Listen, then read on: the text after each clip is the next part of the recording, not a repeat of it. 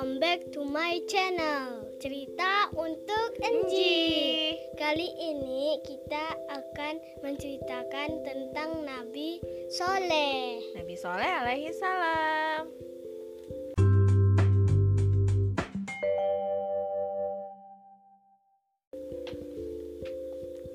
Nabi Soleh dilahirkan di dataran Hijr. Negeri itu dilimpahi berbagai nikmat dari Allah. Kebun ladangnya yang subur terhampar luas. Penduduk Hijr menikmati hasil panen yang banyak. Hasil bumi membuat kekayaan penduduknya terus bertambah. Nabi Soleh senang melihat kemakmuran negerinya. Kaum Samud, penghuni negeri Hijir, banyak yang kaya.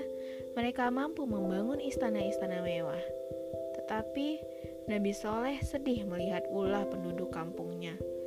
Lambat laun kaum Samud berlaku sombong. Allah bukan lagi yang disembah, malahan mereka bersujud pada patung berhala. Allah menugaskan Nabi Soleh untuk berdakwah. Maka dia menyeru kaum Samud. Hai kaumku, jauhilah berhala-berhala itu. Tiada Tuhan selain Allah. Semua nikmat di negeri ini adalah pemberian Allah. Berhala tak pernah bisa menolong siapa pun, maka sembahlah Allah semata. Kami tak melihat Tuhanmu itu. Mana mungkin kami yakin Allah ada? Lebih baik kami menyembah berhala saja. Bantah kaum Samud. Dakwah Nabi Soleh merisaukan kaum Samud. Sebelumnya mereka sangat mengagumi Nabi Soleh. Soalnya Nabi Soleh itu pintar, baik, dan bijaksana. Kaum Samud berkeinginan mengangkatnya jadi pemimpin. Tapi segalanya berubah setelah Nabi Soleh berdakwah. Apalagi Nabi Soleh berani menghina berhala yang disembah Samud. Mereka pun menjadi membenci Nabi Soleh. Nabi Soleh menjelaskan salah pengertian itu. Lalu Nabi Soleh berkata, Wahai kaum Samud, janganlah kalian berprasangka buruk padaku. Diriku bagian dari kalian. Kita masih seketurunan dan berhubungan kekeluargaan. Tentulah aku tak ingin kalian celaka. Apa yang kusampaikan adalah kebenaran. Namun kaum Samud tetap tetap menolak. Kami tidak mempercayai, mempercayaimu. Pastilah kamu sudah tersesat, sebab kemakmuran ini kami peroleh setelah menyembah patung itu. Kami tak akan meninggalkan berhala. Banyak sekali rintangan yang dihadapi Nabi Soleh, namun semangatnya berdakwah mulai membuahkan hasil. Sejumlah penduduk Tamud menyatakan beriman. Nabi Soleh menyambut gembira para pengikutnya. Sementara itu, para pembesar Samud semakin gelisah. Mereka ingin mempermalukan Nabi Soleh. Suatu hari, mereka bertanya, "Hai Soleh, kamu pasti pendusta. Apa buktinya kamu seorang nabi?" Lalu Nabi Soleh balik bertanya, "Jika mukjizat itu ada, maukah kalian beriman?" Kaum Samud yakin Nabi Soleh tak punya bukti, maka mereka menjawab dengan serempak, "Ya, kami akan beriman." Tantangan itu diterima oleh Nabi Soleh. Dia pun berdoa kepada Allah. Tiba-tiba sebuah batu besar terbelah. Dari belahan batu keluarlah seekor unta. Seekor unta. Kaum Samud tercengang. Nabi Soleh berkata, Inilah unta Allah, kalian yang memintanya dan kalian harus patuhi aturannya. Biarkan unta ini berkeliaran dengan bebas. Dia berhak mencari makan di bumi Allah. Janganlah coba-coba diganggu. Kalian harus ber bergiliran minum air dengannya. Suatu hari unta ini minum dan kalian esok harinya. Unta ini akan terus menghasilkan susu. Kalian boleh meminum air susunya sepuas hati kalian. Gratis. Tapi ingat, siapa pun yang berani menyakitinya akan dihukum oleh Allah. Nabi Soleh menguraikan aturannya. Kaum Samud takjub dengan unta mukjizat. Unta itu menjadi pemandangan menarik di negeri Hijr. Unta berkeliaran dengan bebas. Dia makan rumput sesuka hatinya, termasuk tanaman di ladang-ladang. Jika haus, unta itu pergi ke sebuah mata air. Hebatnya, jika minum, unta itu menghabiskan semua air, sehingga tak ada binatang lain menghampiri sumber air. Kaum Samud pun tak dapat mengambil air. Baru keesokan harinya mereka bisa mendapatkan air lagi. Ke kehadiran unta itu sangatlah menguntungkan. Semua orang bisa mengambil air susu unta, bahkan air susunya tak pernah habis.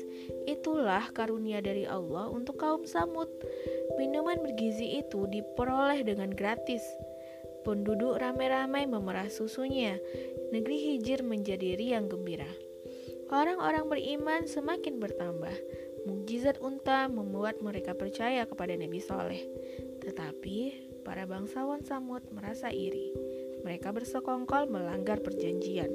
Maka dihasutlah Musadda dan Goder untuk membunuh unta itu. Waduh. Komplotan Musadda berhasil membunuh unta sehingga mereka mendapatkan hadiah yang banyak. Kaum Samud belum puas membunuh unta itu. Mereka juga berencana membunuh Nabi Soleh Allah mengagalkan rencana jahat itu dan seluruh geng Musadda mati ditimpa batu. Sedangkan Nabi Soleh dan pengikutnya langsung pindah.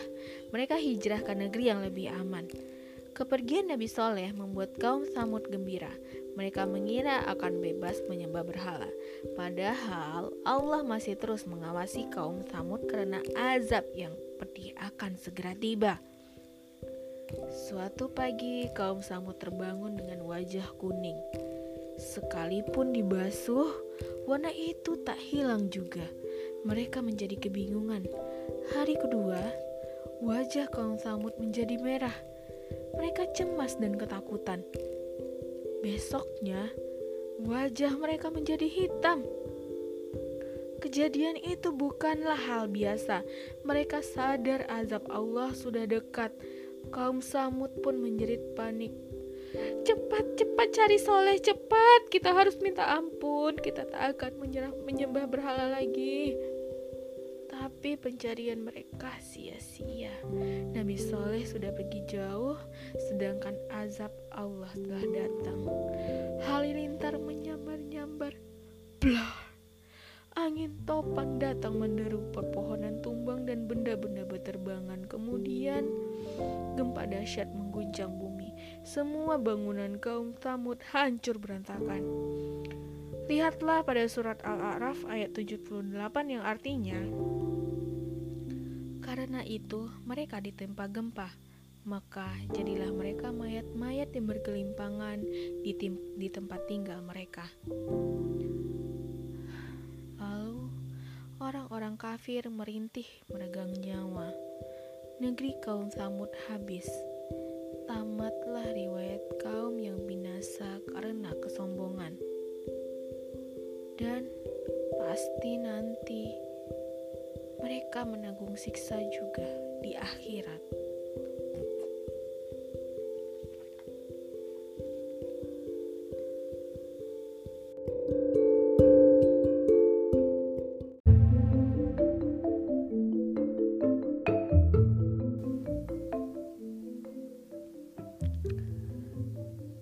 Surat Hud ayat 67 sampai 68 yang artinya dan satu suara keras yang mengguntur menimpa orang-orang zalim itu.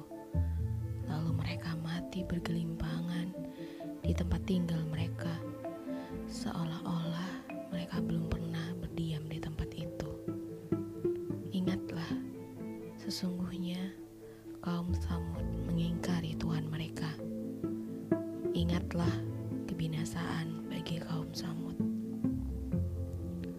Itulah penggalan sebuah eh, sepotong ayat dari Al-Qur'an yaitu di surat Hud ayat 67 sampai 68 di mana di sini ceritakan tentang nasibnya kaum Samud setelah durhaka kepada Allah.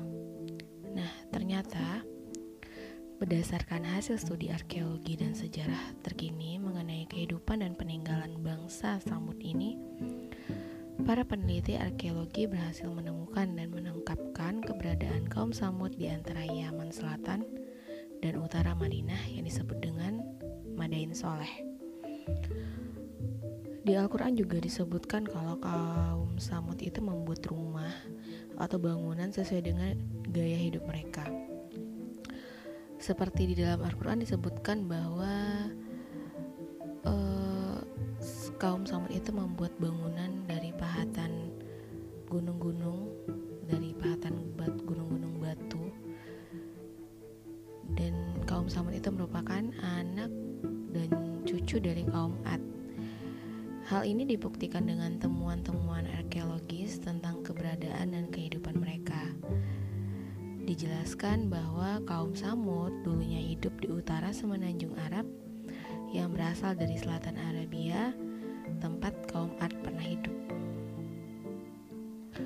Sumber-sumber sejarah juga mengungkapkan sekelompok orang yang disebut dengan Samud benar-benar pernah ada. Masyarakat Hijir sebagaimana disebutkan dalam Al-Quran adalah sama dengan kaum Samud. Kata Samud adalah nama dari suatu kaum, sedangkan kata Al-Hijr adalah salah satu di antara beberapa kota yang dibangun oleh orang tersebut. Nah, peninggalan kaum Samud itu bisa ditemukan di dekat Madinah sekitar 20 km dari kota wisata yang baru dibuka oleh Arab Saudi sekarang yaitu Al Ula. Nah di situlah bukti-bukti bahwa pernah uh, pernah ada suatu kaum yang membuat bangunan-bangunan yang super super bagus keren yang dipahat dari batu gunung. Dan cerita-cerita itu ada di Al-Quran.